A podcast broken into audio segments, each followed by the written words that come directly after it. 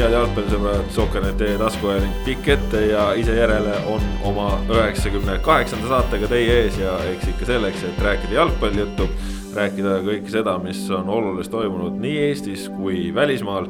minu nimi Kaspar Elissaar ja täna siin minuga koos Kristjan Jaak Kangur. tere, tere. ja Ott Järvele ka. ja tere, tere tänase saate plaan on laias plaanis selline, et räägime kõigepealt premium-liigaga seotud jalgpallijuttu ja seejärel saate lõpus põikame välismaale, kus on juttu nii Inglismaal, Hispaanias kui ka Itaalias toimuvast. aga saate alustuseks räägime ikkagi kodumaistest tegemistest ja, tegelikult no mitte ainult kodumaaga seotud asjadest, sest selgub ikkagi, et on võimalik siit Eestimaa pinnalt ka välismaale minna, kui oled jalgpallur. ja Vladislav Kreida siis pühapäeval sai ametlikuks, äh, läks laenule möödunud hooaja järel Rootsi kõrgliigast alla langenud Helsingborgi võistkonda viis korda Rootsi meistriks tulnud klubi. aastane laenuleping siis ja on seal igasugused võimalused ka selle perioodi lõpus.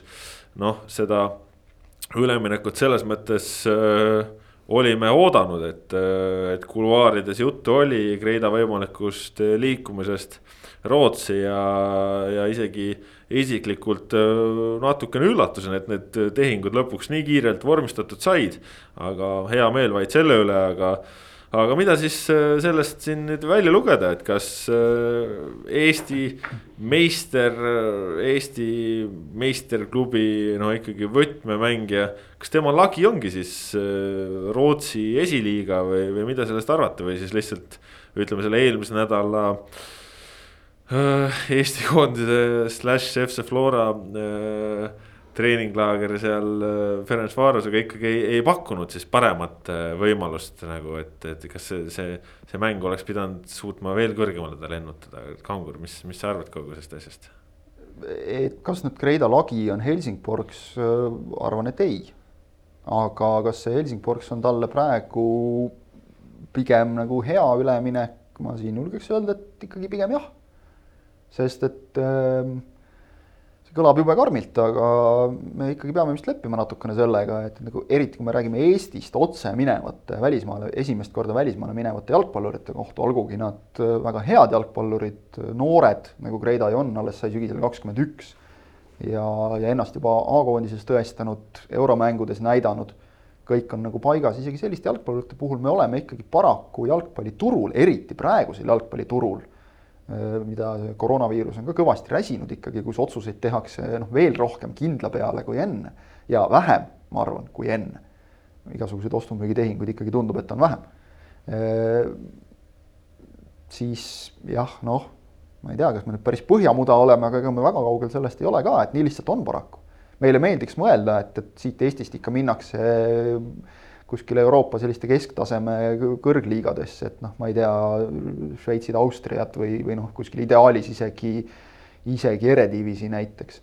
aga noh, vaatasin just huvi pärast, et on, on ka miskipärast nagu see hambusse jäänud paljudele, et mis mõttes laen. noh, aga mees mängib ikka samamoodi, ega seal vahet ei ole, võib-olla isegi nagu rohkem on tõestamisvajadust ja soovi aga, aga vaatasin huvi pärast aastat viisteist tagasi, üks äh, Ragnari nimeline noormees läks maailma avastama ja läks ka Valerengasse laenuga ja sealt siis selle pealt ka osaliselt äh, ja, ja koondise mängude ja kõige muu pealt läks edasi juba, juba Hollandisse. et ideaalis loomulikult võiks, võiks olla Kreida tase kuskil natukene kõrgemal või see klubi tase, aga halb üleminek see kindlasti ei ole, eriti vaadates, et okei okay,, see on esiliiga meeskond neil tundub olevat kindel siht ikkagi tagasi tõusta, vaatame, kes on äh, peatreener, uus peatreener, kes vahetult enne jõule toodi ikkagi no ütleme, põrunud äh, esiliigasse kukkunud Olav äh, Melbergi asemele, Rootsi koondise legendi asemele. Jörgen Lennartson on viinud Elfsborgi Rootsi meistriks, on võitnud Rootsi karika, on treeninud Norras, on olnud Rootsi noortekoondistes kõrgelt äh, hinnas treenerina. ehk väga hea treener. Äh, vaatame, kellega koos hakkab Kreida mängima. Andreas Krank vist veel üks Rootsi koondise legend viimasel äh, MM-il Venemaal, Rootsi koondise kapten kõikides mängudes, kolmekümne viie aastane, nii et tegelikult noh, võib mängida veel, kuigi ta juba. Kostjast noorem. just, tegutseb juba seal küll ka spordidirektorina, aga, aga, aga meil mängib Martin Ulsson, mänginud Inglismaa Premier League'is äh, pikalt, seal on äh, USA koondislasi, üks mees on noh, hea küll, Man Cityst nüüd laenul olla ei ole alati just väga raske, et noh, Chelsea'st laenul olla on veel kergem, aga aga sinna Man City ridadesse võib palju mehi kuuluda, aga ometigi noh, miski on ta sinna viinud, et ikkagi ikkagi ta on jah, tõesti City hingekirjas ja, ja, ja praegu laenul. Et tegelikult nagu kogenud mehi, kes, kes, keda seal on, on küllalt ja, ja Kreida-sugusel noorel nüüd hakata ennast selles keskkonnas tõestama klubis, mis ikkagi ka nagu Rootsi mõistes on noh, nii-öelda nagu päris suur klubi ikkagi. et tegelikult see esiliiga või seal ütleme, esiliiga nagu viimastel hooaegadel on neil olnud esiliiga ja kõrgliiga vahet pendeldamine ei ole päris äh, nendes, nendele staatuse kohane. samas võib-olla näitab seda, et, et Rootsis on konkurents päris kõva ja, ja noh, ütleme liiga üldine tase, ma usun, Rootsi esiliigas äh, ei ole kindlasti kehvem, kui on premium-liiga just üldine tase, kui me võtame nagu esimesest kümnendani, mitte ainult tippe. et kindlasti saaks Kreida seal korralikke mänge. tõestamise koht ja väga hea tõestamise koht minu meelest, et kui sa seal nüüd nagu suudad läbi lüüa ja tõesti aitad sellel meeskonnal tõusta kõrgliigasse, siis on, on väga hästi, et äh, loomulikult noh, meie, meie kõigi unistused on nagu vähe suuremad kui, kui need üleminekud, mida meie mehed on viimasel ajal teinud, aga, aga natukene võib-olla praegusel turul tulebki teha selliseid nutikaid käike, nagu tegi ka näiteks Artur Pikk, kes, kes jah, vaatad nagu paberi peal küll, et läks nüüd siis kõrgliiga viimasesse meeskonda Ungaris. aga see on jällegi meeskond, millel on, on ajalugu, on korralik klubiline süsteem ja mis ehitab ennast üles, mis sai uue peasponsori. et, et sa pead nagu natukene leidma neid selliseid kohti, sest oleme ausad Eesti passiga mängija järele keegi Euroopas jooksma ei hakka. sa pead ise noh, väga aktiivselt suruma jalga ukse vahele. see ei ole üldse lihtne. see ei ole nii lihtne, nagu meile võib-olla tundub. turg on praegu väga piiratud, kui me räägime ka Rauno Sappinenist näiteks. saada kuskil löögile, kuradi raske. ja selles plaanis minu meelest ei ole nagu ninaga vaja visata selle ülemineku peale Ott, äh, mis see tõde on siis, on see hea üleminek Kreida jaoks? Ah,? ühesõnaga Kangur rääkis ära, nüüd Ott ütleb, mis tõde on, nii ta käib, Ott on alati väga konkreetse ütlemisega. no ma arvan, et siin nagu üks asi, mida nagu noh, ma põhimõtteliselt kõige, mis Kristjan rääkis, ma olen küll nõus, aga samas ei tasu nüüd äh, varjata või kuidagi maha vaikida emotsiooni, ka ühte emotsiooni, mida see kõik tekitab, et see on ikkagi ka pettumus pettumus, et Eesti üks äh, paremaid jalgpallureid hetkel. ja noh, tegelikult noh, nii on, kindlasti on ta premium-liiga üks paremaid jalgpallureid. Eesti premium-liiga üks ahvatlevamaid müügiartikleid.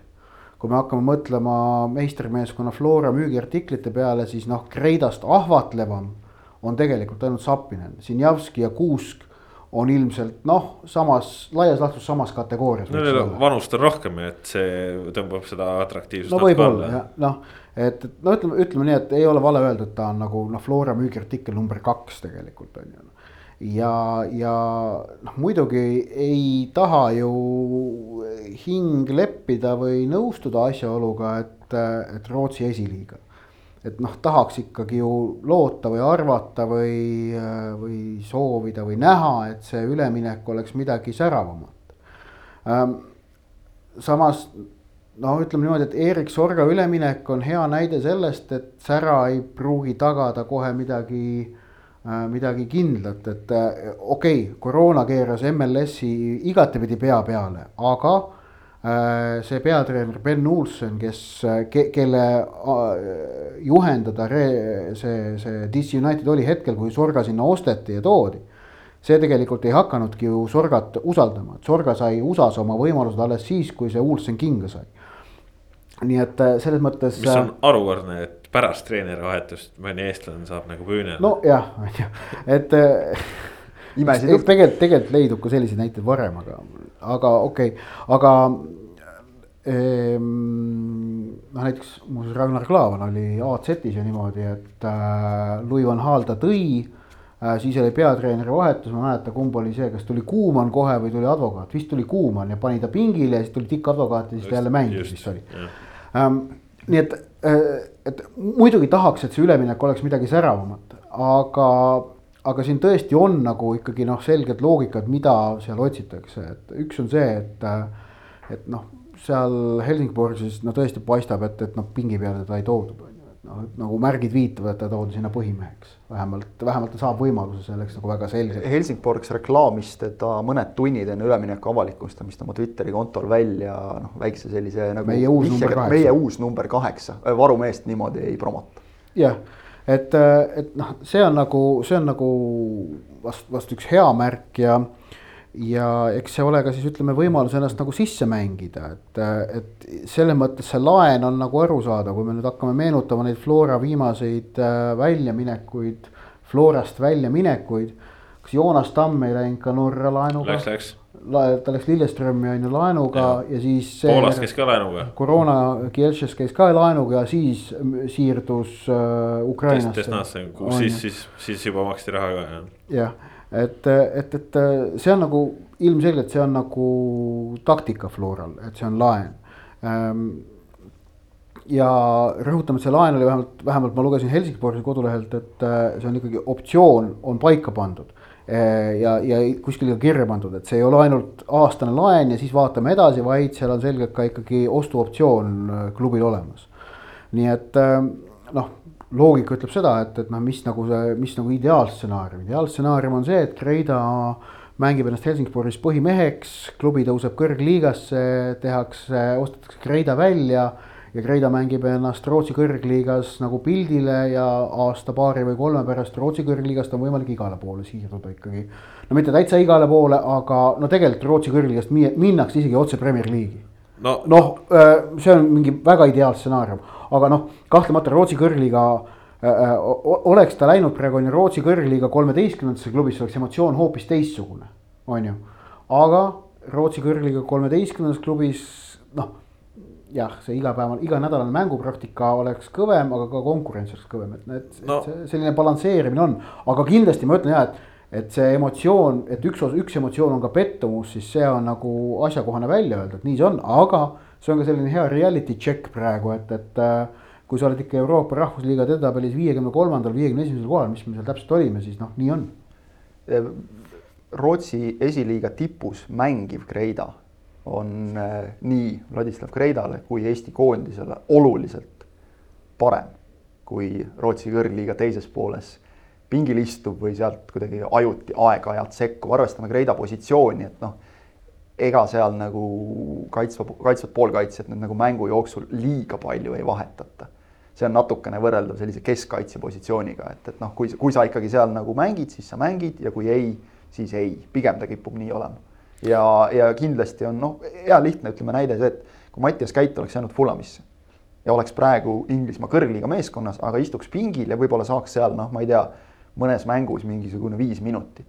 jube äge, meil on mees Premier League'is aga ütleme noh, loodame, et, et ta nüüd on oma peapõrutusest tervenenud ja, ja hakkab Tom Žale eest saama stabiilselt minuteid lõpuks. Tom Žales mängiv käik on kindlasti nii käidi enda arengu seisukohast kui ka Eesti koondise seisukohast oluliselt parem. aga ma olen selles mõttes Otiga nõus, et loomulikult pettumus on olemas, aga nüüd ongi see, et, et kas me laseme nagu sellel pettumusel varjutada seda reaalsust, mis on paraku natukene nukker.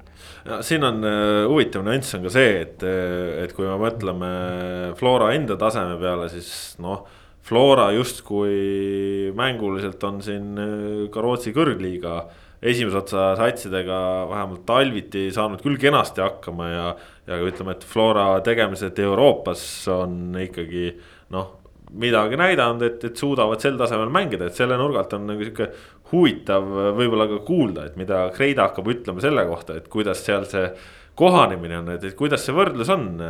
noh, selge on see, et Eestis ja Floras tal ei ole võtta meeskonnakaaslased, kes on reaalselt mänginud Premier League'is, Inglismaa kõrgliigas ja mitte vähem ei ole mänginud. ei ole tal ka Eestis võtta. selge oli see just, et ei, sellega ma olen täiesti nõus, et äh, premium-liiga keskkond oli praegu Kreeda jaoks tegelikult juba ammendunud. tal on lagi ees. ja ta, ta on siin kunn, noh, ta on seal liiga kunn.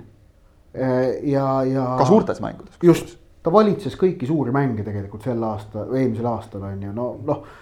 parim näide oli see viimane mäng Paidega Äh, see, vabandust, mitte viimane mäng, vaid eelviimane mäng Paidega. see, kus Flora võitis siin vist üks-null või yeah.? kolmas, kolmas mäng, noh, kus, kus oli ju see, et Kreida, Kreida bossas seda keskvälja niimoodi, et, et Frolov ja Mošnikov, kes noh, noh jäi mäng, olid mängust väljas. olid jah, aga noh, selles mõttes äh, see ongi nagu huvitav, et justkui Flora peaks olema tugevam, samas ongi. Premis mänginud vendasid sul siit ei ole võtta. Äh, Ameerika koondislast sul siit ei ole võtta sul ei ole võtta ka mehi, kes on näiteks praegu ju üks noor ääreründaja Helsingborsist müüdi Bayernile, Müncheni Bayernile ja laenati kohe tagasi. ehk siis noh, idee poolest sul ei ole nagu Bayernis mängivat äh, nii-öelda tiimikaaslast. sul ei ole tõesti Manchester City'st, no võib-olla nüüd Levadiasse tuleb, on ju et äh, selles mõttes noh, see, see mastaap, see, see tegelikult näitab ka seda, et kuidas ja, ja missugusel rindel toimetab Helsingborg. ehk siis äh, Soongi klubi on täis Rootsi koondise legende Äh, üldse Rootsi jalgpallilegende, seal on väga korralikku kogemust, aga samas seal ongi noh. Ütleme, Helsingfors on näidanud, et nende seast on võimalik minna ka Müncheni Bayernisse, on võimalik minna Inglismaa kõrgliigasse. ja, ja vot see, vot see ongi see liiga vahe, Eestist sa seda sammu ei tee. Rootsis positsiooni... sa, sa võid isegi esiliiga satsis selle vajadusel teha. just, Kreida positsiooni eelmisel hooajal mänginud mees läks Venemaa kõrgliigasse. et noh see ongi nagu väga lihtne meeskonnast, mis äh, oli, oli Rootsi liiga noh, tagumine ots, eks ole. sest nad kukkusid otse välja, nad äh, olid äh, eelviimased. viisteist jah. Et jah, ja, ikkagi ütleme, kui me räägime siin nagu edasiliikumisest see Klaavani näide on selles mõttes noh, sadu kordi räägitud, aga, aga nagu parim näide, et kus kõik ideaalselt klappis kokku. Needsamad Oti treeneri näited, et tuli treener, vahetati treenerit, tuli treener, kes pani ta uuesti mängu, eks ole, ja ja sealt jälle lumepall veeres, eks ole, või kasvõi noh, see, et et Liverpool sai endale sakslasest peatreeneri, kellele oli ta silma jäänud, et noh, ja, ja kõik see, et see, see on nagu täiesti Eesti jalgpalluri jaoks absoluutselt ideaalne karjäärikõver. aga seal peab nii palju asju kokku klappima. Rootsi minna, kõik võimalused on seal tõesti olemas, sest Rootsist noh, minna edasi. see, see on juba, kui me räägime Eestist kui Põhjamuudast, siis Rootsi on juba ikkagi kogu Euroopa, isegi kogu maailma jaoks ikkagi nagu juba ütleme noh, võib-olla Rootsi kõrgliiga ei ole seal nagu nii kõrgel tasemel, kui me vaatame neid UEFA koefitsiente, eks ole. Need on natukene subjektiivsed, neid äh, võivad kujundada üks-kaks klubi võib-olla, kes väga hästi Euroopas esinevad. aga, aga sellise arvestades, mis pilguga vaadatakse nagu Rootsi peale, see on ikkagi jalgpallimaa. et kui sa seal oled Rootsi... nagu asju teinud, siis on sul kvaliteedimärk küljes. Rootsi puhul on väga tähtis see, et noh, no näiteks Narva äh, sarnaselt näiteks äh, Šveitsiga. Et noh, need on sellised jalgpalliriigid, isegi kui nende klubid ei ole kõige tippmises konkurentsis äh, eurosarjades sees siis nende riikide sisemine jalgpallikorraldus ja kultuur on väga kõrgel tasemel, mis omakorda noh, tagab teatud äh, kvaliteedi. Äh, seal, seal mänginud mehi usaldatakse lihtsamalt. ehk et näiteks sul noh, võib olla sama tasemega see sats väga vabalt ka Rumeenias või Bulgaarias aga kuna seal on noh, üleüldine korralagedus niivõrd suur nii jalgpallis kui ka muudes elusfäärides, siis on väga palju keerulisem seda kõike sealt usaldada, ehk et Rootsi ja Šveits on USA, noh näitena ma toin Šveitsi juurde, aga no samamoodi võib sinna juurde panna Austria või noh, tegelikult ka Norra, noh. rääkimata Taanist. jah, usaldusväärsed kohad. Põhjamaad, Põhjamaad ja Kesk-Euroopa ütleme no, siis hästi. jah, aga, aga kui ka Rootsiga muud ei ole, siis vähemalt Rootsi kõrgliigast me teame, et saab liikuda ka Saudi Araabiasse, nii et selles mõttes see... nagu karjääri mõttes see on ju, jalgpalluri amet on nendel meestel töö noh ja selles mõttes edasiliikumise võimalusi kindlasti on ja, ja no ma ütlen, et noh, kui ma..., kui, kui spordidirektor äh, Andreas Krankvist toob sind võistkonda mm., Rootsi koondise kapten, noh. See, see, see, see, see, see juba midagi näitab, et. mees on mänginud Premier League'is, mees on mänginud Venemaa kõrgliigas, eks Just. ole, et, et noh, see on, see on tase. ja kui selline mees sind nagu sinus midagi näeb, siis, siis sinus peab midagi olema ei noh, nüüd ongi, et eks, eks see hooaeg annab, annab nagu selgust, et mis nagu rolli Kreida seal suudab võtta, et seal jah, toodi küll number kaheksaks, aga nüüd tuleb see number kaheksa ja, ja särk on ka number kaheksa seljas, aga nüüd on vaja ise olla mees, et see number kaheksa särgis mees iga kord ka platsil oleks. ei no nüüd on ja..., nüüd on lihtne ülesanne, nüüd on see, et kui oli äh, soov oli saada Eesti parimaks number kuueks, noh. esiliiga number kuueks saada. mingis saates nagu järeldusele, et see on tehtud, et nüüd on siis vaja olla lihtsalt järgmine eesmärk on olla Rootsi parim noh, number kaheksa siis no särginumbri järgi vähemalt. jah, no positsioon on ikka sama. positsioon on sama muidugi, aga, aga, aga noh jah, ühesõnaga. nii veel sellest, aga, aga tegelikult premium-liigast väljaminejaid on teisigi ja, ja Paide linnameeskonnast läks äh, maikuu lõpuni Tšehhi Ostrava Panikusse laenule Muhamed Sané. liiga parim paremkaitse minu hinnangul. Äh, kas Sanehi üleminek äh, on selles mõttes kõvem, et no Tšehhi kõrgliiga on ikkagi korralik tase. ei, loomulikult on kõvem, noh esiteks noh, Tšehhi kõrgliiga ikkagi ja. kas viimane premium-liigast otse Tšehhi kõrgliigasse läinud mees oli Siim Luts? kas ta läks Levadiast? pärast ta... teda, kas Kabajev läks ka otse ikka ju. okei okay., kas ta läks kõrgliigasse? ja, ja ta läks no, samasse satsi, Bohemiasse. Bohemiasse, noh, ühesõnaga jah, Kabajevil ütleme, et Luts sai ka seal kõrgliigas nagu päris tublilt hakkama, et mm. Babajev mitte väga. ei no see selleks, räägime Mohamed Saneest praegu. aga ei, tase on ei, kõva selles mõttes, et noh, mees käis ennast näitamas ja, ja ilmselgelt äh, avaldas muljet. sest suhteliselt kiiresti löödi ka käed, et äh,, et vot see nagu näitab seda jälle, jälle huvitav asi, et, et kui sa leiad kuskilt mingi mängija, tahan seda meest, noh nagu Reida tehing oli, see mees tuleb, sõlmib lepingu Saneh oli nüüd selline, et ta käis näitamas ennast, järelikult ta siis näitas ennast nii heast küljest. et, et kui ütleb peatreener nagu ka, et, et me ei saanud testida tema kiirust äh, veel, et noh, vastane oli liiga nõrk, et äh, ühesõnaga kogu see jutt peatreenerilt oli selline, et tõesti, et ohoh, selline mees umbes nii nagu meie vaatasime siis, kui ta siia Eestisse tuli ja lihtsalt no,. kohalikud kiirustestid olid kinni pannud igatahes. nojah, ja tuli ja, ja lihtsalt esimestest mängudest peale Premium liigas otsustas, et siit minu äärelt läbi ei lähe keegi mm.. ei huvita, kes mulle vastu tuleb, on need Eesti koondised või kes iganes, eks ole. ja, ja ilmselt ta samamoodi on ka seal teinud, et, et tal on, äh, ma ütleks, kõik eeldused öö, äh, olla, saada väga heaks mängijaks et see, see ei üllata mind tegelikult, et ta seal nagu muljet avaldas, sest mulle tundub, et ka tema noh, kõik Paidest tulnud signaalid nagu ka tema tööeetika kohta ja suhtumise kohta. hästi korraks põikan Kreida juurde tagasi, mulle õudselt meeldis Kreida lause, mille ta ise välja ütles, et nüüd on nagu ütleme nagu aeg nagu näha või teha selgeks, et, et kes ma olen mängijana ja kes ma olen mehena või inimesena et see, see on nagu ka oluline, et see näitab ära mängija suhtumise, kuidas ta sinna läheb ja minu meelest Sanehi suhtumine noh, nagu jalgpalli on samasugune, üdini professionaalne. no väga-väga töine vend jah. et selles suhtes, äh, et ta nüüd üllatus on meeldiv. võib-olla, võib-olla on väike üllatus jah, aga, aga, aga väga meeldiv sel juhul ja, ja samas nagu tegelikult hakkad mõtlema, et ka loogiline selle pealt, mida ta Eestis näitas, aga, aga loomulikult see on, see on väga kõva üleminek ja, ja see on, on kõva Paide jaoks see on kõva liiga jaoks selles mõttes tuleb pöidlaid peos hoida, et, et sa nüüd ka lööks läbi et see seal nüüd õnnestuks, sest jah, et see, see üleminek on esialgu kuskil ainult neli kuud või viis no, kuud. nojah, see on hooaja lõpuni, hooaja lõpuni on ju. aga seal oli ka, eks ole, klausel ju juures, et, et. ei, klausel on väga selgelt juures ja et siin, siin, siin tulebki sellele loota, et. et tõesti Taneh nagu teeks selle sammu, sest no on näha, et ega see Ostrava panik ka nagu praeguses Äh, Euroopa jalgpalliturul valitsevas olukorras nagu ei, ei tulnud seal kohe nagu eurodega luhtitama, et andke meile, andke meile, et eks mõlemad... nad ürivad ka nii säästlikult saada, kui vähegi võimalik. aga kui ta nüüd ikkagi näitab, et ta on ikka väga kõva mängumees, siis see tähendab äh, Paide jaoks ka head noosi. Need mõlemad ähm, üleminekut nüüd äh, või noh, laenulepingut komplektis vaadates, siis eks nad ole nüüd ka kvaliteedikontrolliks premium liigale tegemist on premium-liiga noh, absoluutsete tippmängijatega.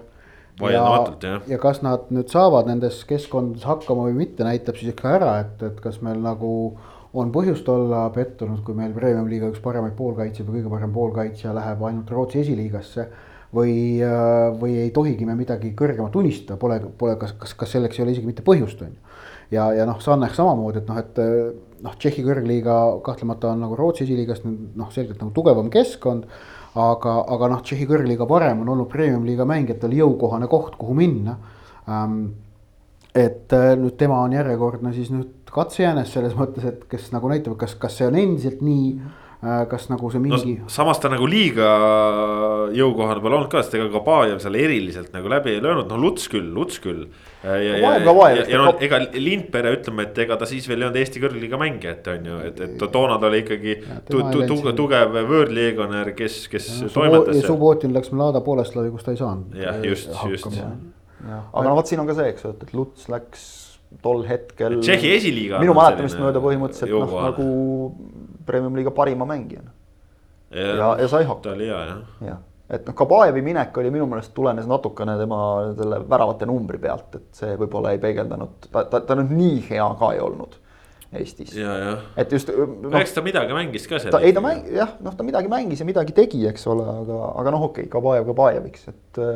et muidugi see nüüd täpselt, et mõlemad on laenuga, see on täpselt see, mida Ott mainis, see on see usaldusväärsus ja seda hetkel Eesti liigas no, ei ole. okei, sa oled hea vend. see ei võtame, ole ainult usaldus, see on praegu jälle raha. võtame su, eks ole, aga. raha ei ole praegu mitte kellelgi. seda ka, aga sa oled hea vend, me võtame su, aga me jätame nagu endale väikse taganemistee no,. see on loomulik, see on normaalne, sellega me peame praegu leppima ilmselt.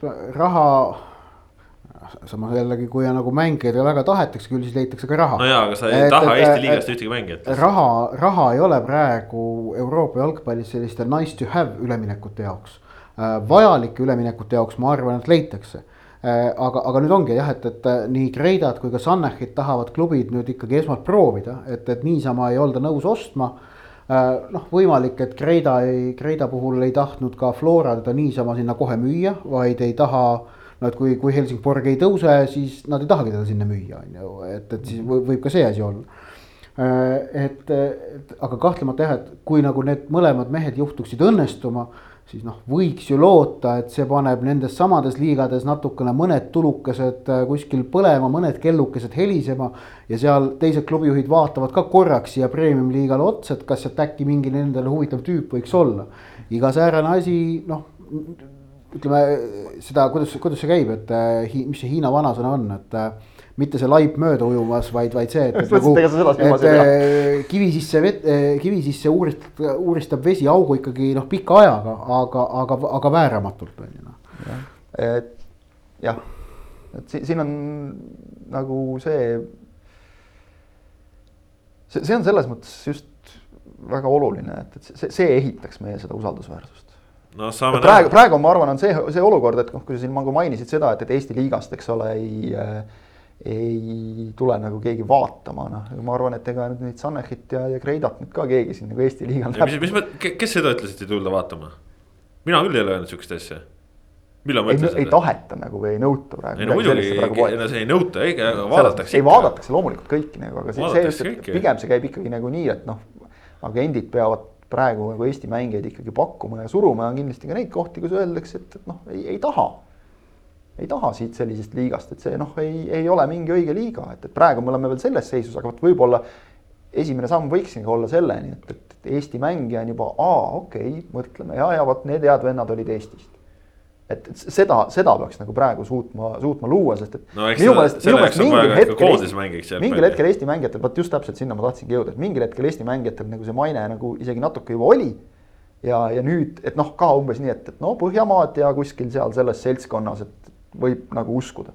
aga nüüd on lihtsalt see, et, kui sa hakkad võtma kuskil nagu Euroopa tippliigades, et noh, jätame Laavani kõrvale, et kes need nagu viimased vennad on olnud, kes on, on midagi teinud no,. Pole olnud, siit võime edasi minna no,. Pole olnud, eks ole, et, et see, seda tuleb nagu, seda tuleb luua, see on näiteks see, mis praegu ilmselt on probleemiks Rauno Sappinini jaoks no selgelt on probleemiks jah, aga noh, ütleme, et ega nii palju, kui me teame, siis ikkagi Rauno Sappinini vastu on ka mingisugust huvi, huvipojakest on olnud ja, ja noh, on sealtsamast ka Skandinaaviast tundub, et. et vähemalt rootslased hakkavad siis meie jalgpalli uskuma, ei tea, kas tänu Magnus Pärssonile või kellelegi teisele, aga, aga noh, jah. ega ei, siit on raske minna praegu ja no eks selge on ka see, et, et Rootsis ju ütleme noh, näiteks Nordcheping, kui sealt olid lutsud Äh, Lutsut Tammed läbi käinud ja noh, võrdlemisi ebaõnnestunud, siis seal oli ikka vahepeal, et ega ei, meie eestlasi küll ei taha, on ju. no see on loomulik. Vaikla seal käis, on ju, aga noh, ega temagi seal suurt rolli ei mänginud, et äh, ei, see turg on praegu ülimalt keeruline ja noh, see, et praegu lähevad äh, vennad laenudega, noh, vähemalt siis seegi on ju, et äh, loodetavasti ka Sapinen selle sammu teeb, sest noh kui me vaatame praegu Florasse, siis äh, seal on ikka mehi tulemas aina juurde ja juurde, Sergei Zenjov äh, treenimas praegu Floraga ja. ja noh, ütleme nii, et huvi on olemas, et äh, Sergei Zenjov ka ikkagi no Eesti jalgpallurite mõistes väga korraliku väliskarjääriga ja, ja üks kõige stabiilsemalt eurosarjades mänginud Eesti koondislasi kui nüüd äh, tema kogemused ka tuua tagasi, siis kui me eelmine aasta rääkisime Florast, kus olid äh, kahekümne nelja aastased või nooremad, pluss siis Vassiljev, äh, Jääger, Alliku ja Kallaste, kellest siis ainult Alliku ja Vassiljev nagu reaalselt mängisid pidevalt. ülejäänud olid kõik kahekümne nelja aastased või nooremad, siis praegu nüüd ikkagi Flora hakkab ka Euroopas vist läbilöömiseks kogemusi otsima, Ojamaa kui nüüd tuleks Zenjov on ju, et äh, see asi läheb selle hirmu kõvaks, aga, aga noh, see tähendaks ka seda, et mingisugune liikuvus võistkonnas äh, peaks toimuma. mis teile tundub, äh, kas näeme Zenjovi uuel aastal Premium liigas? kõik sõltub sellest, millised variandid tal veel välismaal tekivad. kui tekivad head, siis läheb kindlasti välismaale, kui ei teki häid, siis, siis ilmselt noh, nagu võib praegustes oludes jällegi nagu väga aru ka saada perekondlikel põhjustel on, on Eesti ja noh, Eestis loomulikult Flora tema esimene valik, et, et seda on väga nagu täiesti võimatu praegu ennustada, et noh, see, see Njov on seni liikunud sellistel jalgpalliturgudel, millest noh, oleme ausad, me nagu tegelikult väga palju ei tea keeruline on aru saada Kasahhis toimuvast. et väga, väga keeruline on nagu ennustada. seal, seal peaks teadma seda, et, et äh, milline kohalik äh, raha, raha, rahamees parajasti mingit klubi, mis määral toetab ja miks ja seal võivad seosed olla a la kohalik poliitika no,. mitte ei või olla, vaid ongi. kas, ma, ma ei tea, kas Kasahstanis võivad seal olla, äkki seal isegi mingid nagu kuidagi sellised noh. riik, riik. no ja seal on mingid on riiklikute ettevõtete toetatud klubid, aga seal on ka see noh, seal on ju ütleme, ta on ikkagi vana ju selline kar karjapidaja rahvas et noh, need klannid ja, ja muud sellised asjad, et need võivad vist seal selline, see, see riik on ise nii suur ka, et seal on nagu noh, geograafilised vastasolud nagu meil Tallinn-Tartu ja noh. eks, eks näis. eks näis tõesti, noh, igatahes äh, näha on, et, et äh, Flora selles mõttes ei maga, et, et kui keegi on kuskile teed välja leidmas, siis ikka asendused on igas mõttes võtta ja, ja, ja vähemalt praegusel hetkel, tänasel päeval on nende ründeosakond nüüd, mis oli. no eelmisel hooajal ikkagi aeg-ajalt hõredavõitu on äh, päris tihedaks muutumas ja, ja keskväli on. on pigem selline, kus nüüd äh, Kreida lahkumisega on Markus Soometsal suured saapad täita ja, ja ühtlasi ka Markus Poom ennast tõenäoliselt äh, kindlamini koosseisus leidmas, kuigi noh, eks ilmselt see lüke näitab ka no ütleme, või siis need lükked äh, siin Ojamaa, Tsenjovid, Reinkortid on ikkagi ka see, et Martin Miller hakkab ennast üha enam leidma keskväljalt, et äh, selles mõttes äh, kindlasti tundub, et Flora uueks hooajaks uut nägu on, on saamas. aga tegelikult muudatusi on siin toimunud mujalgi ja, ja noh, võib-olla märkimisväärne on ikkagi Mihkel Ainsalu lahkumine Ukraina kõrgliigast eh, Lvivi võistkonnast ja. ja noh, nagu Ainsalu ise ütles, siis eh, kui klubi oli saanud uue noh, juhtkonna ja uued treenerid, siis valik oli lihtne. kas võtad kakskümmend viis protsenti väiksema palga, lähed laenule või lõpetad ära ja. Ainsule no, tundus, et ära lõpetamine on kõige optimaalsem. rõhutan, juriidiliselt ei ole mängija kohustatud mitte ühtegi neist kolmest variandist vastu võtma. nojah, kes see viitsib selle kassiga. seal on see selge, et, et kui sa seda noh makstakse sulle kuidagi hambaid kiristades see palk välja, aga istud pingil ka.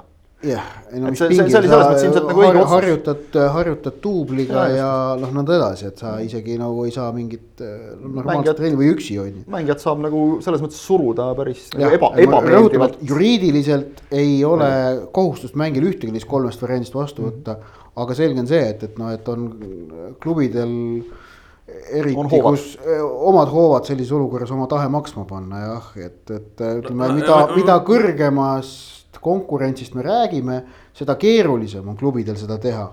Ukraina kõrgliiga tagumises otsas on see võimalik no mis äh, huvi peaks olema ka mängijal, äh, kes on nii-öelda arenemiseas veel või, või parimas mängijas, peaks olema huvi üldse lihtsalt istuda kuskil, kui sa tead, et sul väljavaateid pole no.. aga see on muide hea näide jälle sellest, et noh, kui, kui kiiresti võivad asjad muutuda just sellistes tagumise otsa. kaptenist minema noh. jah ja, ja noh, ilma et sa oleksid ise absoluutselt midagi valesti teinud, lihtsalt tulevad uued mehed, kes otsustavad, et me jätkame nüüd ainult kodumaiste mängijatega, kärbime eelarvet ja, ja nii ongi lihtsalt, selliseid asju juhtubki jalgpallis.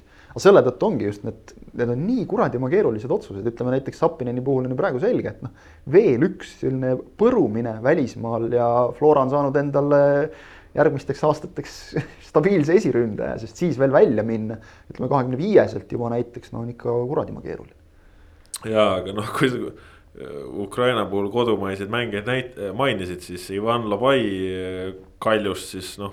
ma ei tea, ikkagi võib-olla just natukene välja söödud mängija, et seal ikkagi need suusad läksid risti, aga. no seal läksid suusad selgelt risti ikkagi selles et... mõttes, et ta ju noh, ta, ta nii-öelda külmutati välja, täpselt see, millest me rääkisime, et klubil on teatavad hoovad et ja. tekitada, ütleme, teha mängijal selles klubis viibimine nagu võimalikult ebameeldivaks ja loomulikult siis jalgpallur, kes tahab mängida ütleb, et kurat, teiega ma lähen minema.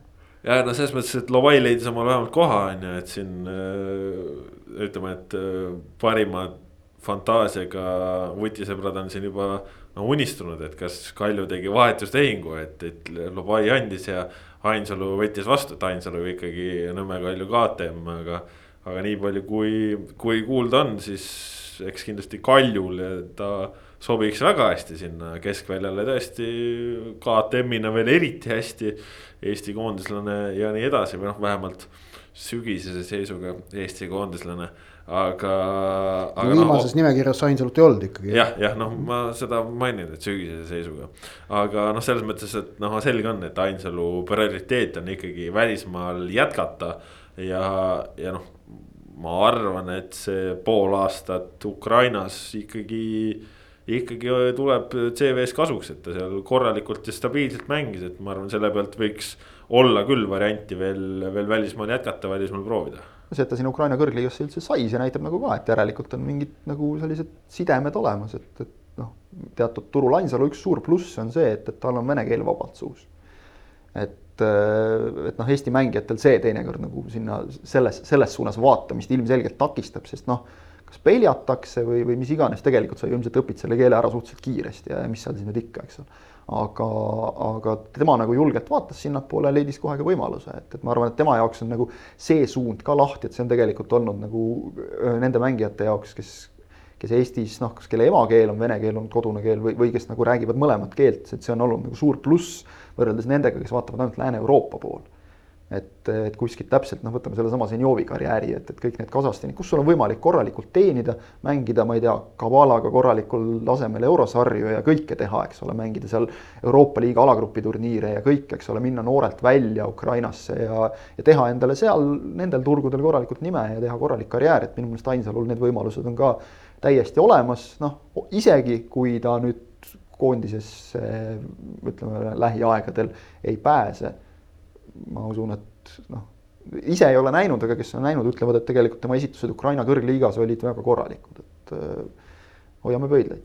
ma usun küll, et ta jätkab kuskil sealkandis, et Eestisse ta kindlasti, Eestisse tagasi tulla jõuab iga kell, et ta veel ei tule just, aga noh, kui siin kaptenitest räägime, siis ikkagi kodumaal ka ikkagi suuremat sorti noh, ütleme siis lõunapoolsema Eesti ikkagi liikumisi. Tartu Tammeka kapten Tauno Teko on siis läinud kodukantse tagasi Pärnu vaprusesse. ja noh, selge see, et Tekol siin eelmise aasta keskelt ka ühel hetkel, kui need vigastused ja asjad seal tulid, siis, siis enam nagu teed tagasi koosseisu ei leidnud ja.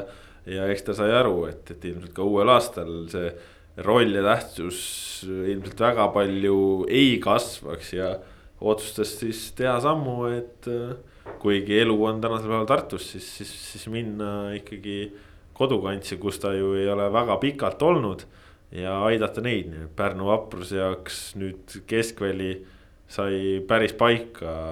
Marek Kaljumäe, Tauno Teko seal premium-liiga tasemel ikka väga kõva duo keskele sinna saadud noh, sinna ümber tuleb ka natukene ehitada veel Pärnu, ütleme niimoodi. no ümber tuleb kõvasti ehitada. Neil oleks nagu tera-, korralikku sellist teravama jalaga väravalööjat ilmselt vaja veel enne no,. Ronaldo Tiismaa praegu no, ei nõustu sinuga. jaa, kindlasti. Kristjan Saarts ka mitte. Tiismaa ja Saarts panevad juurde, siis on kõik ju väga hästi, siis pole kedagi tarvis.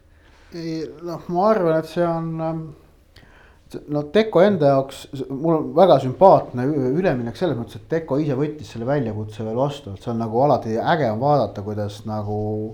no minnakse uue vihaga peale, et tegelikult noh, Teko, kes on nagu Tammekas ennast ju noh, teinud Tammeka legendiks, ma arvan, ei ole, ei ole patt seda öelda. et, et äh, jah, oli näha, et, et tema roll seal võistkonnas on selgelt nagu kahanenud, aga, aga et äh, no oleme ausad ei oleks olnud tal keeruline ju ka, kas nüüd Tammekas seal ütleme põhikoosseisu ääre, veere peal edasi tiksuda või, või üldse jalgpalliga lõpetada või noh, aga et ta võtab vastu sellise uue väljakutse, on väga sümpaatne. see on äh, premium liiga jaoks tervikuna on väga tähtis, et sellises Äh, vanuses kahekümne teises pooles mehed ei kao liigast niisama ära, vaid äh, iga aasta, mida, mida sellised tüübid meil kõrgliigas edasi mängivad, see muudab seda liigat tugevamaks. Äh, et, et, et selles mõttes ma arvan, see on hea kindlasti Pärnu vaprusele, Tauno Tekkole endale, premium-liigale ja ma arvan, et Tartu Tammekale see ka üle, ülearu palju liiga ei tee olen nõus, aga kui siin veel rääkida siis endistest kaptenitest, siis äh, ripakile on jäänud ka Dmitri Kruglov ikkagi Levadiast. pakkumist ei tulnud ja nagu siin eelmise nädala teises pooles veel, veel olukord oli, et Kruglov ise ütles, et pole veel ka kuskilt mängija karjääri jätkumiseks pakkumist saanud, kuigi Deniss Belov, Leegioni peatreener, ütles ka näiteks, et kogenud väärt mängumehed kuluvad alati ära, eriti olukorras, kus seal Sidorenkoviga on ka veel nagu asjad natuke lahtised, et äh, noh. Kruglovi jätkamist, no ma ei tea, mina tahan küll. siin ma arvan, siin on puhtalt konks selles, et ähm, sõltub ka pakkumisest natuke no,.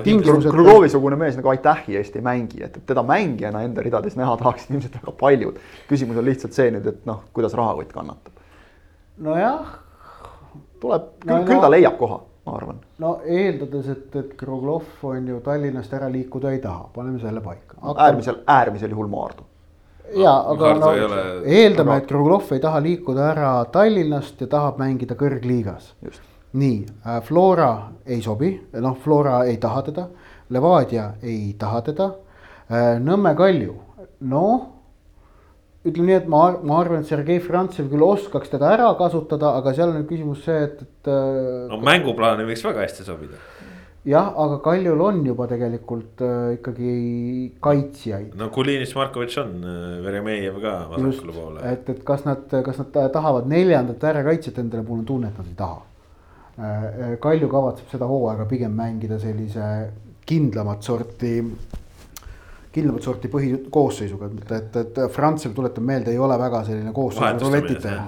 ja arvestades ka Kalju nagu noh, rahalisi võimalusi, ütleme, et nagu oleks mõistlikum kulutada mõnele teisele positsioonile ei no Kalju, seda juba öeldi suht selgelt, et noh, nad otsivad keskkaitsjat Just. ja väga palju rohkem äkki isegi mitte, et noh, et Artjom Dmitrijev seal klubiga harjutab, võib-olla tema lisandub, ma pakun. kuigi noh, tahtis ka välismaale edasi minna, aga noh, ei ole nagu väga palju sinna täiendusi enam oodata nii, vaatame edasi, äh, meil on siis Paide. Tallinna, noh, Paidega, mis harjutab Tallinnas, Paidel pole vaja äh, vasakkaitsjat ja ei sobi Paide profiiliga, noh, Kruglovi profiil ei sobi Paide ideoloogiaga. see ei ole nüüd etteheide mitte kellelegi, vaid nii lihtsalt on. Ähm, ja siis on meil jääb üle veel Kuressaare. jah, Tallinna meeskond. no, no harjutab Tallinnas. ei, no nii on äh, aga, aga ka neil ei ole, mul on tunne, no seal, seal, seal ei, ei tundu see ka nagu klappivat ausalt öelda. no Mäle... ja siis jääb Leegion. ja siis jääb Leegion, just. kuhu nagu ütleme, ilmselgelt Kruglov sobiks väga paljudel põhjustel kõige paremini. just, igas mõttes sobiks sinna hästi, äkki juhtub siis. no et, et muuhulgas ka noh, eks, eks Kruglov on ju ju ta hakkab vaikselt, ta ju ütles ka, et tal vist on tehtud põhimõtteliselt treeneritöö pakkumisi. eks ta, eks ta hakkab sinna suunas ju ka vaatama. noh, ütleme nii, et äh, Leegion oli ju, ju ka eelmine hooaeg oli natukene koht, kus oli näha, et ka. et, et, äh, et noh, kui Aleksandr Dmitrijev sinna, sinna juba läks, et seal nagu mängijatel on võimalik ka, kuidas öelda, selles võistkonna tegutsemises, eh, kujundamises sõna sekka öelda. kui, kui oled kogenud ja autoriteetne mängija, noh, Dmitrijev kahtlemata on ja Kruglov oleks ka noh, Kruglov ka ju klubi kasvandik tegelikult ka ju Tallinna jalgpallikoolist on ju ja. ja noh, tõesti arvestades, et Sidorenkoviga on asjad sellised lahtised ja äärekaitse on tegelikult koht, kus no ütleme, Leegionis ei olnud asjad ka kõige stabiilsemad või, või kindlamad, et siis. ma ei välistaks üldse, et Sidorenkoviga on asjad lahtised seetõttu, et Krugloviga on jutud lõpuni rääkimata lihtsalt no, no, täiesti võimalik. seal võib erinevaid variante olla, jah kuigi ise oma peas mõtlesin, et Siderenkov keskkaitses, kus ta tegelikult päits, täitsa okeilt mängis. minu meelest ma, ma, ma tulen endiselt tagasi, ma terve eelmine hooaeg vist jaurasin seda ka, aga minu meelest Siderenkov oli nagu keskkaitses parem kui vasakkaitses. võimalik jah. Ei noh, jah, ühesõnaga asja toimub ja, ja toimus ka nii palju, et Narva Trans sai omale väravahe pusletüki paika, Richard Aland eelmisel aastal äh, Floras ja Levadias, aga kahjuks kokku ainult kaheks mänguks äh, on nüüd äh, Narvas ja, ja noh. Narva jaoks väga vajalik lüli ja, ja Alandi jaoks väga vajalik äh, see variant, et sa lähed ja, ja sa saad mängida. üleminek, mis sobib kolmele osapoolele, sobib äh, Alandile, sobib Narva Transile ja sobib Sokkerneti.ee-le, kellel on nüüd lahendatud mure, keda intervjueerida pärast Narva Transi mänge taas ehk ehk et. no käos tunneb ennast kergemalt. pooled intervjuud vähemalt. saavad koormust jagada natukene käosega, jah. ja jällegi tulen sama jutu juurde tagasi, mis ma rääkisin Tauno Tekka puhul, see on, sobib, see on, üleminek sobib ka Premium-liigale, et, et. et noh, siin et jällegi, et Richard Aland ja tema kogemused ei lähe kuskile kaotsi, vaid need jäävad liigasse alles ja tõstavad seda kvaliteeti. absoluutselt absoluutselt, selle üle on. ja, ja, ja siis tegelikult üks aspekt veel juurde, et, et noh, noh Narva Trans on selline natukene erandjuhtum meil kõrgliigas. see Burdakoviga tehtud intervjuu, mida ma seal hooaja lõpus ju tegin, see natukene tegelikult noh, avas neid nüansse, et, et. et Narva ei tunne ennast sageli, narvakad ise ei tunne ennast sageli Eesti nagu terve osa. kõik sellised sidemed, mis õnnestub nagu tekitada, need ka jällegi on nagu noh, tähtsad ja toredad ja. abiks. just, just vot, nii palju täna Eesti jalgpallist, äh, tõmbame sellele joone alla, aga räägime veel ka natukene välismaa jalgpallist ja. ja välismaa jalgpallist, noh, kui siin nüüd mõelda kõige äh, noh, oodatumatele sündmustele, siis kindlasti eilne Liverpooli ja Manchester Unitedi mäng seda oli, lõppes ta lõpuks null-null. kas see mäng, Ott, täitis sinu ootused või mitte? ma arvan, ta oli tegelikult tagantjärele vaadates, no eks ma, eks, eks lähed ikka nagu sellise põnevusega vastu, et noh, et äkki nüüd tuleb totaalne tulevärk ja värki, aga. aga tegelikult tagantjärele vaadates see ju mäng kulges üpris loogilises võtmes. et, et, et Liverpool esmalt äh, läks äh, suure hooga peale, suure tahtmisega äh,. Xherdan Shakiri põhikoosseisus oli hea lüke Kloppi poolt, tõsi äh,, mõju kadus pärast umbes kahekümne viiendat minutit äh, aga Liverpool, keda siis Shakiri selle esimese kahekümne viie minuti jooksul nagu töös hoidis, on jätkuvalt hädas ikkagi sellega, et, et see ründekolmik on kurnatud. ma kasutaksin sõna kurnatud, et Roberto Firmino, Sadio Mane, Mohamed Salah. Neil on kolm hooaega järjest, isegi neli hooaega varsti vist, neljas käib vist või on, on see kolmik saanud ikkagi noh, väga suurt koormust, rotatsiooni on suures plaanis olnud vähe või väga vähe, midagi sinna vahepeale. ja näha on, et, et no ei ole enam seda värskust ja no ikkagi, kui sul nagu neli mängu järjest Premier League'is äh, neljast mängust üks värav, kolm punkti no see on. Äh, see on nagu ja, sa oled tiitlikaitsja, siis äh, noh, ma ütlesin, ma nimetasin seda esialgu küll mõõnaks oma selles kokkuvõttes luup peale, aga. aga noh, tagantjärele mõtlen, ilmselt vist tegin nagu Liverpooli väikse komplimendi või hinnaalanduse, et noh, tegelikult on see kriis äh, noh, kriisiks ei saa seda veel nimetada asja põhjusel, et, et noh, et liigatabelis pole Liverpool veel, noh, neil ei ole midagi kadunud, kuigi nad langesid neljandaks, on ju. saad aru, Liverpool on neljas tabelis. kohutav on ju äh,. no koht, kus Arsenali fännid unistavad, et saaksid taas olla. jah, see on ka tõsi, aga no tähendab, need ootushorisondid vaata ongi nagu ja. erinevad. et Manchester Unitedi jaoks on ootushorisont see, et see, et nad on tiitlimängus sees, on nende jaoks praegu whipi ja yeah, et äh, normaalne, kruiisime.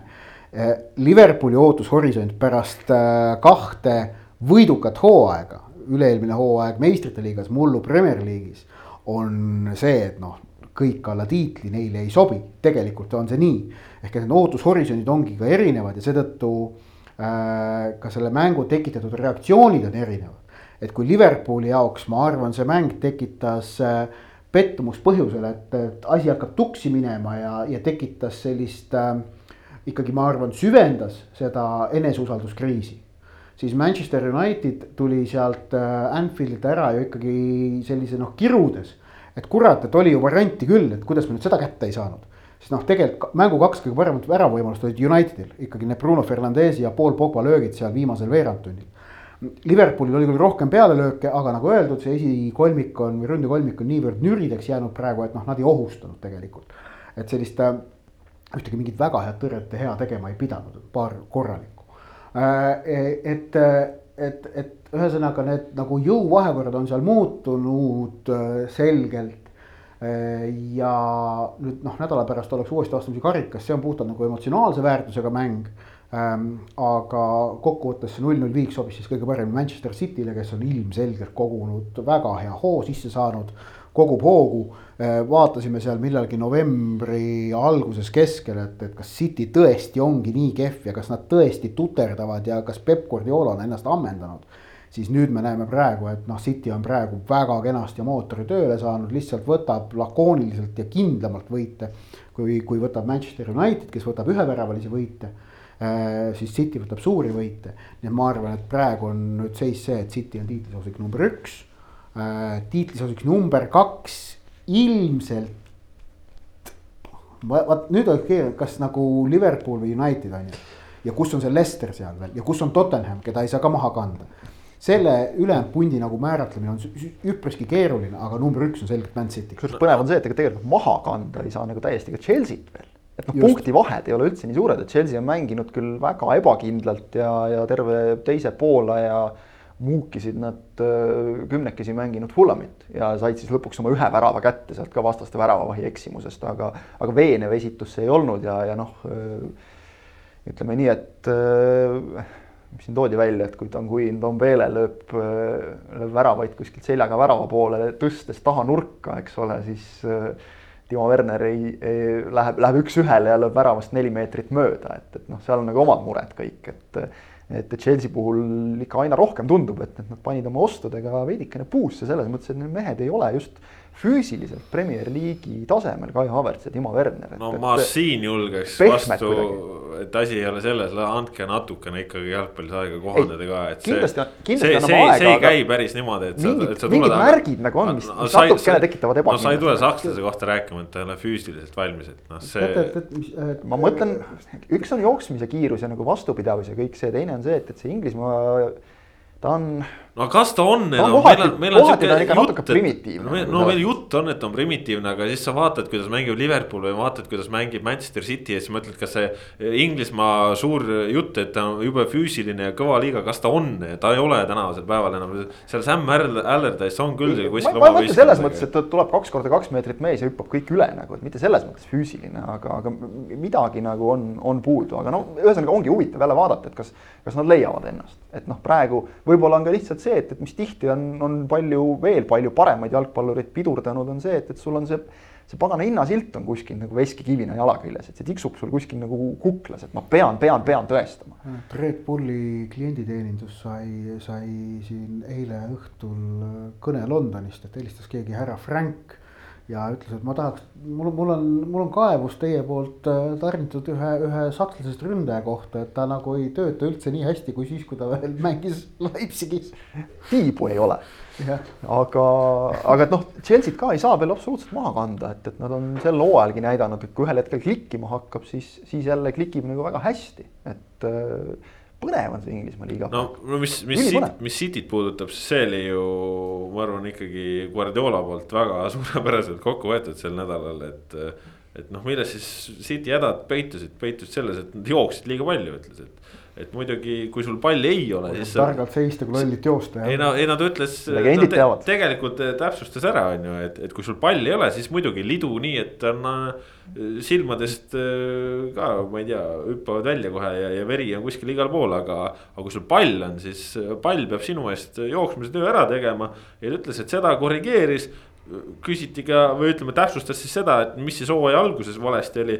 ütles mees raputas iseendale tuhka pähe, et ei suutnud arvestada sellega, et meestel pole olnud pre-season'it, tulidki eelmise hooaja pealt otse lõppu uuele vastu. ei saanud, ütleme siis sellisesse toonusesse nagu tema lootis, tema seadis oma nõudmised justkui sellisele võistkonnale, kes on ikka hooaja alguses, kellel ongi mingi põhi on loodud ja nii, aga kes sai aru, et okei okay, sats ei ole valmis ja, ja ma pean oma ootuseid muutma, muutis ja meeskond hakkas töötama ja, ja kõik ongi hästi. seda enam, et City ongi ju viimastel hooaegadel väga hästi alustanud. aga jah, just see, et, et noh, põnev, seal on neid musti hobuseid on sees Leicesteri näol, noh isegi ma ei tea, Aston Villa, eks ole, kuskil hiilib seal, et, et, et huvitav. ja isegi Arsenal võib varsti esikümnesse jõuda, aga, aga. võib-olla isegi täna õhtul juba aga kuidagi lühidalt kokkuvõttes, Kangur, ma tahaksin sult ikkagi küsida, et kas siis äh, sinu sünnipäevanädalal oli Unitedi fännina lõpuks ka midagi sellist äh, tõeliselt helget üle pika-pika aja? vaata kummaline oli, sest tavaliselt nagu viimastel aastatel on ikka pigem olnud nii, et, et see, see Unitedi mäng, mis nagu mu sünnipäevale kõige lähemale jääb, et siis noh, see on teada, et see, seal saadakse pähe, palju õnne sihuke kingitus. aga eh, ma ütleks, et Sulcher on leidnud sellise nagu teatava ökonoomsuse, et, et eh, liigas ju viimati võõrsil kaotati just nimelt Liverpoolile aasta tagasi et see just, seda nüüd toodi selle mängu juures väga palju välja, et, et siis. pidasid vastu? siis oli see vahe vist mingi kolmkümmend. neli või? kuus või midagi sellist no, no täiesti pöörane ühesõnaga. et see, et nüüd praegu on, on see vahe kolm ja noh, tegelikult oli nagu täiesti reaalne, et see oleks võinud olla kuus. et eh, jah, nagu Ott ütles, et kuuldavasti ikkagi riietusruumis olid väga mossis näod olnud, et, et pagan, me ei kasutanud võimalust ära, et noh, tegelikult see praegu oli hea šanss nagu rebida vahe kuuepunktiliseks. aga samas ongi huvitav see ja võib-olla see tuleb kasuks, et keegi nagu, kaasa arvatud mulle tundub, et United ise ei pea ennast absoluutselt eh, mingiks soosikuks. pigem on nagu natuke see, et, et just nagu sa ütlesid, et ohoh, et kuidas me siia tabeli tippu saime aga noh no,, okei okay.. vaadates, kuidas nad kaks kuud tagasi mängisid, see on väga põhjendatud ja õigustatud. kaks kuud tagasi nad mängisid niimoodi, et noh, üles-alla, et, et ega nüüd näiteks see üks-kuus Tottenhamilt saamine, noh, see ei olnud ka selline üldpildi peegeldamine, see oli lihtsalt üks väga halb päev jälle, punane kaart no,. ja siis jutud. tuli veel neid halbasid päevasid, näiteks Pasakse Irriga ja jah ja, no, ja viskas, võõrsil, viskas siukseid lollusi nagu sisse, siis vahepeal mängiti jälle hästi, aga nüüd on mingi teatud stabiilsus leitud. aga, aga selliseid halbu päevi ongi olnud ju kõigil Just. nüüd välja arvatud Cityl viimasel ajal. ja, aga Cityl olid need halvad päevad hooaja alguses. Tottenham, kes alustas hästi, oli nüüd vahepeal mõõnas, näitab nüüd kergeid kosumise märke eh, Liverpool sai ju alguses selle Aston Villa käest selle kaks-seitse laksaka, siis mängis nagu kulda, nüüd on totaalses mõõnas Äh, kriisis Les... isegi sa julgeksid öelda ah?. No, no midagi jah, mõõna ja kriisi vahepeal kuskil seal. Äh, siis äh, Lester on, no ütleme nii, et üldjoontes stabiilne aga ta tippmängudes ei suuda nagu vist tulemusi väga. tuleb ka neil sisse mingeid täiesti, kas äh, Brightonile minu meelest no, kaotati just... või kellelegi, et noh, mingid, sellised asjad nagu viskab ja. jama sisse. tegelikult võtmeküsimus ongi see, kas nüüd City, kes on nagu tänu sellele oma leitud stabiilsuse tõusnud praegu tiitlisuulikuks number üks. Et kas neil viskab ka uue põõna veel sisse? Ja, ja kuidas ikkagi meil, meil, meil pole veel poolt hooaegagi läbi Inglismaal. kaheksateist mängu, mõnel on üheksateist vist peetud, et, et, et noh, et me oleme näinud selle poole hooajaga kuivõrd palju on toimunud rütmi muutusi, dünaamika muutusi äh, nii klubidel kui ka mängijatel. Ehk et äh, nüüd on huvitav näha, kas see teine poolaeg tuleb sama dünaamika muudatuste rohke või on nüüd äh, suudetud natukene selle tiheda graafikuga kohaneda, selle koormusega kohaneda ja läheb natukene stabiilsemalt edasi. City on hea näide selles suhtes just, et nad on kõikides karikates sees, nad mängivad eurosarja, äh, neil on mingid mängud veel pidamata, mis nüüd siin ära jäid. et, et nende graafik läheb tegelikult noh kõigil on tihe, kõikidel no, tippudel. tundub lihtsalt Aga... kokkuvõte on see, et peame lootma, et koroona jätkuks, sest siis on liigad põnevad noh. Ja isegi kas seda, et noh, ta on juba oma halva töö teinud selles mõttes, et need liigad on nagu tihedad niikuinii juba, et see ütleme näiteks euro, euromängud hakkavad pihta, see võib seal tipus väga palju dünaamikat muuta, et võta meeskonnad, kes ei mängi näiteks eurosarja. Ma ei tea, Aston Villa kasvõi, eks ole, võib sealt mõnes, mõnes mängus kasu lõigata kõvasti või, või lihtsalt äh, see, et, et mõni tippmeeskond äh, on nii väsinud mingist kehvast graafikust, et annab järele kuskil koha peal, ootamatu koha peal täiesti ootamatuste osakaal on tõusnud kõvasti. ootamatuste osakaal on kõvasti tõusnud ka isegi Hispaanias, kus on pikalt-pikalt olnud kaks klubi, kellest ainult räägitakse, aga nüüd on üks trompetisats, kes äh, pannud no, ühe nädalaga ära mõlemale. Atletico vaidleb sulle seal kahe klubi osas kohe vastu kindlasti. ei no mida nad saavutanud on siin? tabeli esikoha hetk. no praegu jah, praegu. aga ei, ei loomulikult. see aasta ongi, aga millal enne? no siin ikka mitte nüüd päris üle-eelmisel sajandil tulid ikka ühe korra meistriks ka. no ühe korra okay. tulid noh. aga jah, Atletic Bilbao ehk siis, mis seal on, Real lõunaks ja Barcelona õhtusöögiks ja tehtud. super, superkarikas küll, aga kui ma vaatasin eile õhtul, mismoodi Iker Munjain seda lisaajal saadud kolm-kaks võitu tähistas, siis ta oleks nagu maailmameistriks tulnud, et noh ega no,, ega, ega nüüd Atletic Bilbaole nagu karikaid ükskõik milliseid liiga palju ei jagu just äkki oligi üks viimaseid, kaks tuhat vist viisteist, kui nad viimati superkarika võitsid. aga väga sümpaatselt mängisid, okei okay,, neil oli poolfinaalis Reali vastu oli selles mõttes natukene õnne ka, et, et nagu sa no, Reali mängu vaadates, mängude vaatajana ise ütlesid, et, et väga harva juhtub seda, kui Real mängib hästi, aga kaotab, et noh, tuleb halbu mänge ette ja kaotusi aga, aga seal noh, oli põnev mäng, hoidsid edust lõpuni kinni ja, ja mängisid nüüd selle finaali Barcelona vastu, mängisid lõpuni. üheksakümnes minut algas ja oli, Ronald Koemanil oli nii-öelda karikas käes juba peaaegu, käsi oli küljes, sanga küljes, aga võeti ära. ja noh, muidugi vaadata nagu Barcelona kaitsetööd, siis seal on ikkagi kõige suuremad lüngad. teisest küljest noh, võtad Pikee ära, võta, ma ei tea, Realilt Ramos ära ja vaata, kuidas välja tuleb. no ei tulegi jah. et ei tule liiga hästi, eks ole. pluss mingid muud mured ja noh, kui sul seal Messi hakkab ka mängimise asemel vastastele üle kukla andma juba, siis, siis see näitab. Nagu vasta nagu kukalt. täpselt, vasta kukalt.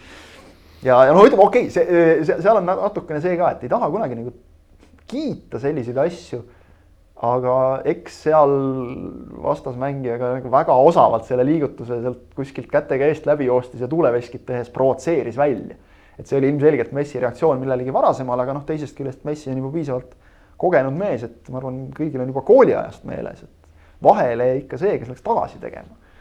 et äh, tuleb natuke targem olla lihtsalt, aga Barcelona esindusmeeskonna eest vist esimene punane tal, mis küll tähendab seda, et tal jäävad nüüd mõned mängud vahele, sest see karistus kandub edasi. siin on huvitav näha nüüd, et palju neid siis on, et seal on võtmekoht on nüüd see, et kas loetakse agressiivseks äh, käitumiseks või, või mitte äh, ehk et kui on agressiivne, siis näeb Hispaania jalgpallireglement ette neli kuni kaksteist mängu võistluskeeldu, kui on. kui mit-, kui, kui agressiivsust ei ole, siis on üks kuni kolm mängu no,. muidugi Barca, Barca on muidugi alustanud promo, et, et oleks üks kuni kolm. No siin on nüüd, oleks, kui... siin on nüüd oluline nüanss on see, et karistuse määrab Hispaania jalgpalliliit, mitte Hispaania kõrgliiga. Need kaks organisatsiooni teatavasti omavahel üldse läbi ei saa. ja, ja no muidugi Javier Tebas, äh, Hispaania kõrgliiga juht tahaks, et Messi karistus oleks nii väike kui võimalik, sest noh, see Messi on tema praegu süü, suurim müügiartikkel endiselt. Äh, aga, aga jah, et seal Hispaania jalgpalliliit võib, võib seal tulla päris mingi karma, karmi laksakaga ära. no nad tavaliselt tulevad jah tavaliselt nad kipuvad tulema. ja, ja, ja miks Põnev. Hispaanias see on, miks selline asi seal on, on see, et, et Hispaanias on väga tugev kohtunike ametiühing, kes survestab.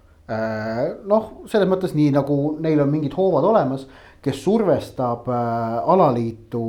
Noh, näiteks miks on see, et Hispaanias on kohtunike solvamisest on selgelt kõige kõrgemad karistused Äh, võistluskeeldude osas on olnud, Diego Costa sai vist üksteist mängu vist ta sai seal. jah, palju sai jah. noh, midagi sellist, et Hispaanias on väga tugev kohtunike ametiühing, äh, mis on äh, tegelikult isegi kohtunikud on nagu selles mõttes jalgpalliliidust sõltumatud. et, et nad tegutsevad eraldi organisatsioonina isegi ja, ja see nagu noh, ütleme niimoodi toob kaasa Hispaanias kõrgemad karistused no,. ehk et kui, kui, kui, kui praegu noh, ma kujutan ette, kui Hispaania kohtunikud äh, näevad, et hakatakse kuidagi noh, messit seal kätel kandma, siis see noh, hispaanlased, lõunamaalased ka, veri vemmeldab, et seal ikka lööb see au pihta ka. seal võib hakata siis tulema igasugust noh eksessi ja no samamoodi ei tasu alahinnata, et oh, Barca on mõjukas, aga samamoodi mõjukas on Real ja Atletico ja kõik teised, kes äh, äh, oleksid väga vihased, kui Messi pääseks lihtsamalt, sellepärast et ta on Messi ja vot me räägime, me räägime siin sellest, eks ole, et Kasahstanis on need mingid klannid ja asjad, et käib ka täpselt samamoodi Lõuna-Euroopas. aga nüüd, nüüd noh, et, et miks Messi niimoodi tegi, siis ma arvan, see on nüüd väga selgelt ikkagi noh, see frustratsioon, mida viimased poolteist aastat Barssas on temas nagu külvanud ja kasvatanud. see mingil hetkel hakkab lihtsalt välja lööma jalgpalluris, igas sportlases, igas inimeses ja, ja noh jalgpalluri puhul see võib sageli juhtuda sellises äh, olukorras, et kui sul nagu mäng hakkab tuksi minema ja, ja noh, pettumus on suur, siis, siis noh, natukene katus sõidab. ja, ja, ja, sõidab ka Messil, on sõitnud kõikidel stardidel. ta on ju normaalne inimene selles mõttes ka täiesti, eks ole, vaadake Atletic Bilbao väravaid näiteks, eks ole, vaadake Barcelona kaitsetööd, kes, kes soovib nagu nendes olukordades, et noh, see on kohati on see ikka nagu täiesti lapsik, Hordi Alba lihtsalt unustab ära, et ta selja taga võiks ka üks mees veel olla ja, ja jätab nagu mängimise pooleli, et noh, küll see pall läheb väravavahile ja noh, nii edasi, siuksed asjad, et ega Ter Stegen ka neid tassida ei jõua, üks väga hea kaader oli sellest, kui lisaaja kahe poole vahel. Tegelikult peaksid ju meeskonnad vahetama kohe pooled, mäng läheb edasi, noh alati on see, et käiakse pingi juurest läbi korraks on üks pilt, mis on tehtud kõrgelt tribüünilt, kus on nii, et, et Barcelona mängijad seisavad kõik nagu eraldi, igaüks ajab mingit oma asja ja mõtlevad ja ootavad, millal nüüd lisaaja teine poolaeg algab. ja Atletic Bilbao mehed on klassikalises energiaringis oma pingi juures, et see nagu näitab ka päris hästi ära, et seal meeskonnas ei ole seda õiget ühtsust praegu. seal nagu noh, iga mees ajab oma asja, sihuke tunne on praegu no nii ongi ja seal on probleemid taga ja sellepärast ongi tore ka vahel siis Baskimaa hiidede üle rõõmustada, Atletic Bilbao tõesti noh, nende jaoks nagu tähistamises nägime. iga võidetud karikas on no, ütlemata suure hinnaga. Asier Villalibre puhub trompetil viisi ette, ka sageli ei näe just ja teised siis laulavad kaasa. no eks seda trompetit nad loodavad, et saavad juba õige varsti jälle puhuda, kui karikafinaal oma igipõliste rivaalide Sociedadiga ka ees seismas on, eelmise aasta karikfinaalis veel pidamata. aga kiire põige veel ka Itaaliasse, võib-olla oli plaanis vähe pikemalt rääkida, aga oleme siin täna vatranud küll juba, et aeg hakkab otsa saama. Juventus mängis Interiga ja Juventus näitas seda, mida nad sel hooajal kipuvad ikkagi näitama Andrea Pirlo käe all, et suured mängud on takistuseks Interilt null kaks kaotus ja, ja see tabeliseis Juventuse jaoks on liiga ilus ei ole liiga ilus ei ole, mäng on muidugi paruks võrreldes seal tippudega, ega see vahe nüüd liiga suur ei ole, aga, aga suurtes mängudes jah, kas on siis Pirlo liiga ettevaatlik või mis, noh, mis on ka nagu loomulik. võtaks selle niimoodi kokku, et Inter mängis, rõhutame, et Inter mängis tegelikult väga hästi, see oli ennekõike põhjus, miks nad võitsid. ja, ja klassika et, et äh, kui on ikkagi võimalik, et tuleb mingi endine sinu peatreener või endine sinu mängija ja, ja teeb sulle suures mängus ära, siis täpselt nii see läheb ka, ehk et Antonio Conte, kes ju pani tegelikult Juventuse domineerimisele aluse seal mitme tiitliga, äh, mängis Pirlo üle. Äh, tal oli ka kerge enesetõestamise koht, sest siin on ka hakatud küsima, et, et kas, kas tema taktika ikka on sobiv Interile, noh, suures plaanis nagu näha, ikkagi on. Inter raiskas tegelikult veel päris palju, aga lõi muidugi Arturo Vidal endine juve mängija, kõige suurem iroonia vist see, et, et enne kui ta läks Bayernisse, sealt Barcelonasse, sealt siis tagasi Itaaliasse jõudis. et tema viimane värav Serie A-s enne eilset tabamust oli äh, aastal äkki kaks tuhat viisteist või midagi sinnakanti, igatahes oli see värav, mis tõi Juventusele tiitli. ehk et nüüd lõi siis värava, mis, mis tõi Interile väga tähtsa võidu ja, ja loomulikult teine värav väga ilus kaitseliinist antud, noh, üks aasta söötudest Nicola Borrellale otse jooksu peale ja läks ja lõi väga enesekindlalt ära, et see Interi sats on nagu äge sats, et noh, näiteks Lautaro Martines tegi üsna kehva mängu, raiskas võimalusi ja, ja oli, oli nagu niru. isegi sellises mängus on Juventust võimalik võita, ehk et äh, kui Inglismaal on nagu huvitav see, et mingil hetkel kandus see, see nagu jõudude vahekord ikkagi Londonisse üsna selgelt, Tottenhamid ja, ja Chelsea'd ja kõik. ja, ja Manchester kergelt mõõnas siis praegu Manchester, Liverpool, nüüd on nagu jälle pendel sinnapoole kaldu läinud. ja, ja, ja praegu Itaalias tundub, et on ikkagi läinud väga selgelt Milanosse. et kui Milan ja Inter on praegu võrdsete punktide peal, nüüd täna esmaspäeva õhtul on, on Milanil veel mäng, küll neil on hästi palju koroona positiivseid ja räts, sats räsitud, aga, aga noh Kaljarit kahjuks viimasel ajal võidavad kõik. no ilmselgelt. Klaavani mängi, noh sellepärast võidavadki, et, et et, siis on, on võimalus veel suuremaks seda vahet seal käristada, et et näis, ega Milan mingil hetkel võib-olla hakkab ka komistama ja Juventuse nagu mäng mängitud ei ole veel, et, et on, on mingeid mänge, kus on näha nagu, et Pirlo taktika töötab ja siis on jälle mingeid, kus on näha, et nagu ei kipu üldse töötama, et, et eks, eks ta on selline uue treeneri käe all. Eneseotsimine, noh, samas kui sa oled nagu nii palju neid tiitleid kaheksa tükki järjest võitnud, et noh, andke jumala eest, andke sellele Pirlale natukene aega lihtsalt, las ta sätib seda asja oma käe järgi, toob mingeid mehi oma käe järgi veel juurde siin järgmiste hooaegade jooksul ja las proovib. ta on, ta on selle nagu õiguse auga ära teeninud, ütleme niimoodi ja, ja mis Kallerit ja Klaavanit puudutab, siis, siis Klaavan tõesti endiselt veel tagasi ei ole ja. ja kuigi ega Itaalias sealt see info ka kõige paremini ei liigu, siis, siis nii palju kui kui kuulda on, siis ikkagi see koroonaviirus panigi Klaavanile sellise põntsu, et et siiamaani veel eraldi harjutab võistkonnast ja proovib seda füüsist taastada, nii et. kui ma ei eksi, siis seal oli vähemalt üks mees veel, kelle nimi koos temaga välja käidi ka äh, kui, kui koroonasse nakatunu, nii et võib-olla selles ongi just asi, et, et noh, ei tormata ka mehi tagasi tooma, vaid, vaid antakse neile ka rahulikult aega natukene. just vot, aga nii palju siis tänastest jalgpallijuttudest, millised on jalgpallijutud nädala pärast, seda saame teada siis, igatahes siin on veel. kes Põr... tahab Saksamaa kohta teada, kuidas seal läheb, siis Bundesliga tabelit juhib Bayern. sellega on Saksamaa kohta kõik oluline rääkida aga kes tahab äh, põnevat jalgpalli vaadata, siis sel nädalal on ikkagi suured uudised selles mõttes teile edastada, et jalgpall Eestis naaseb ja jalgpall Eestis naaseb äh, võistlusmänguga ka. ehk siis äh, laupäeval juba Kuressaares äh, Evald Tipneri karikavõistluste üks kaheksandik finaal, me ei räägi siin praegu treeningmängust, me ei räägi siin sõpruskohtumisest. me räägime Evald Tipneri kaheksandik finaalist, mis otsustab veerandfinaali pääseja kahe premium-liiga klubi vahel FC Kuressaare versus FC Flora laupäeval kell üks Äh, Soker.netis otseülekanne, nii et äh, sättige ennast jalgpallilainele ja taliturniir tuleb ka. taliturniiri saate juba mekutama hakata reede õhtul. taliturniir tulebki seal Kuressaares, kui seal mängitakse rohkem taliturniiriks ei anna enam minna nagu eriti. nojah, Saaremaal pehmet kliimat äh, tuleb nüüd loota. et siin on teil talve on palju, aga ütleme, et nii palju ajalugu jälle teeme, et ega jaanuarikuus Pole ka varem siin ametlikke mänge mängitud, et kui Kuressaare võttis hooaja kõige hilisema äh, ametliku lahingu enda peale üleminekumängudele Maarduga, siis nüüd ta saab ka kõige varasema mängu siis äh, ka see on ikkagi kõige hilisem, see on eelmise hooaja mäng veel no selle nurga alt küll, aga jalgpalli aasta. see on hea mälumängu küsimus edaspidiseks. millisel kuupäeval peeti äh, hooaja kõige hilisem mäng? kahe tuhande kahekümnenda aasta kõige viimane mäng ja kahe tuhande kahekümnenda aasta hooaja viimane mäng. just aga jalgpalliaasta kaks tuhat kakskümmend üks esimene jällegi, jah. nii ja naa ja. ah, keda see huvitab ühesõnaga kahekümne aasta pärast saame jaurata mälumängus, kumb on õige vastus. mind lihtsalt huvitab see, mis olukorras on Kuressaare kunstmuru väljak ja siiralt huvitab, ehk et kui seal on väiksemgi äh, ikkagi noh, oht, et see väljaku olukord ei ole hea, siis see mäng tuleks mängida Lilleküla jalgpallihallis no äh, ilm, ilmateade Saaremaalt räägib seda, et neljapäeval ei. läheb plussi, reedel on plussis ja ka laupäeval on veel kerges plussis. pluss kaks kui... kraadi ei tee sul kunstmuru väljakut nüüd üleliia palju pehmemaks. ei, ei tee, ei tee, aga kui sa lükkad sealt äh, lume pealt on maha. ja kui on..., kui sa lükkad siis selle plusskraadidega soola sinna peale, siis see väljak on pehme mänguks. konks on selles, eks ole, et, et Flora nime all võib äh, minna väljakule vabalt poole Eesti koondist või rohkem.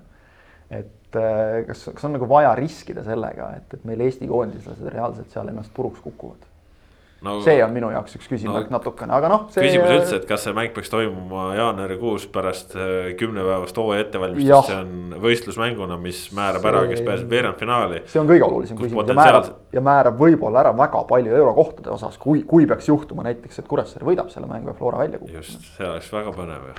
eks ole, et, et kas, väga... kas seda peab mängima kahekümne kolmandal jaanuaril isegi pluss kahe kraadiga Kuressaare kunstmurul no.? küsimus noh, küsimus on et ega see mäng sihukesel ajal, see on ju jah, nali. aga nii on äh, otsustatud ja eelmise aasta sees seda ära ei saanud mängida, nii et siis oli ju koroonapidu Floras, nii et äh, eks äh, neid jalgpalli asju on huvitavaid meil mitmeid ja kui huvitavad nad uuel nädalal on, seda kuulemegi siis täpsemalt, siis ma saan teile jagada muljeid Kuressaarest eeldatavasti. ja teie saate jagada oma muljeid Lilleküla jalgpallihallist. nii et äh, põnevat on ja kindlasti põnevat äh, toob see nädal ka üleminekute lainel. nii et püsige ikka ja ainult Sokkerneti manu, siis saate kõik teada, mis olulist maailmas ja Eestis toimub. aitäh kuulamast, saate tõid täna teieni Kaspar Elissaar, Mott Järvela, Kristjan Jaak Kangur. Ja meie täname teid ja teie püsige terved ja olge ikka toredad, adjöö